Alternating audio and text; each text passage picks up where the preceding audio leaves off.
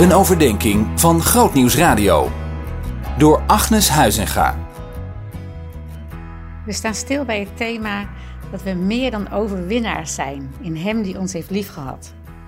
Nou, dat thema dat, uh, is weer uitgewerkt naar aanleiding van een overdenking van Selwyn Hughes in Every Day with Jesus. Zoals jullie van mij wel gewend zijn. Uh, deze man heeft 40 jaar lang een dagboekje geschreven dat uh, ongeveer door een miljoen mensen wereldwijd gelezen wordt. En ik ben een van hen. En het is een voorrecht om jullie weer mee te nemen in zijn gedachten daarover. En hij zegt: het christelijk leven dat kent hoop en veerkracht en dat is niet apart van, maar juist in alle dingen. Het maakt ons niet onverschillig of afstandelijk en we ontkennen de werkelijkheid niet. Maar weet je, als christenen hebben we een plek waarin we Gods gunst niet hoeven te verdienen door ons goed voor te doen. Nee, het christelijk leven biedt de mogelijkheid om alles wat op onze weg komt aan te gaan.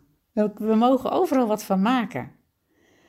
Onze spiritualiteit is in relatie met de dingen en met onszelf, met de ander, met de natuur, vanuit die bronrelatie met God.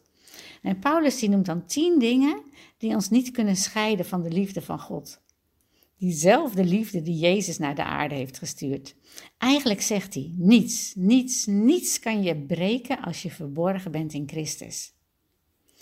En iemand heeft die tien dingen de paarden van het kwaad genoemd. Paarden die ons opjagen, neerslaan, willen verpletteren. Maar weet je, wij mogen leren dat deze paarden ons niet kunnen verslaan. Integendeel, we kunnen hun teugels grijpen, in het zadel springen en ze naar onze bestemming sturen. Als we leren hoe we dat kunnen, dan leren we te leven in Jezus.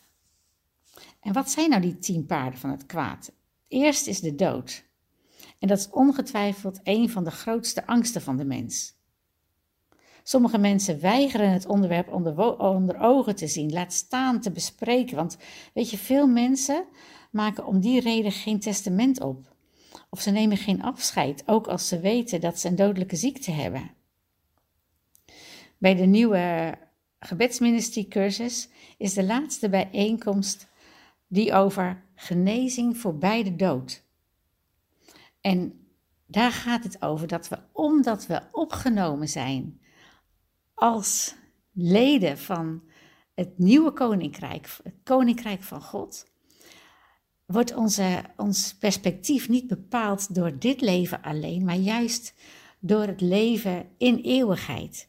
Dus uh, of we nu genezen aan deze kant van de werkelijkheid of daarna, we genezen allemaal omdat Christus ons geneest, omdat Hij ons volkomen gaat maken door of voor de dood.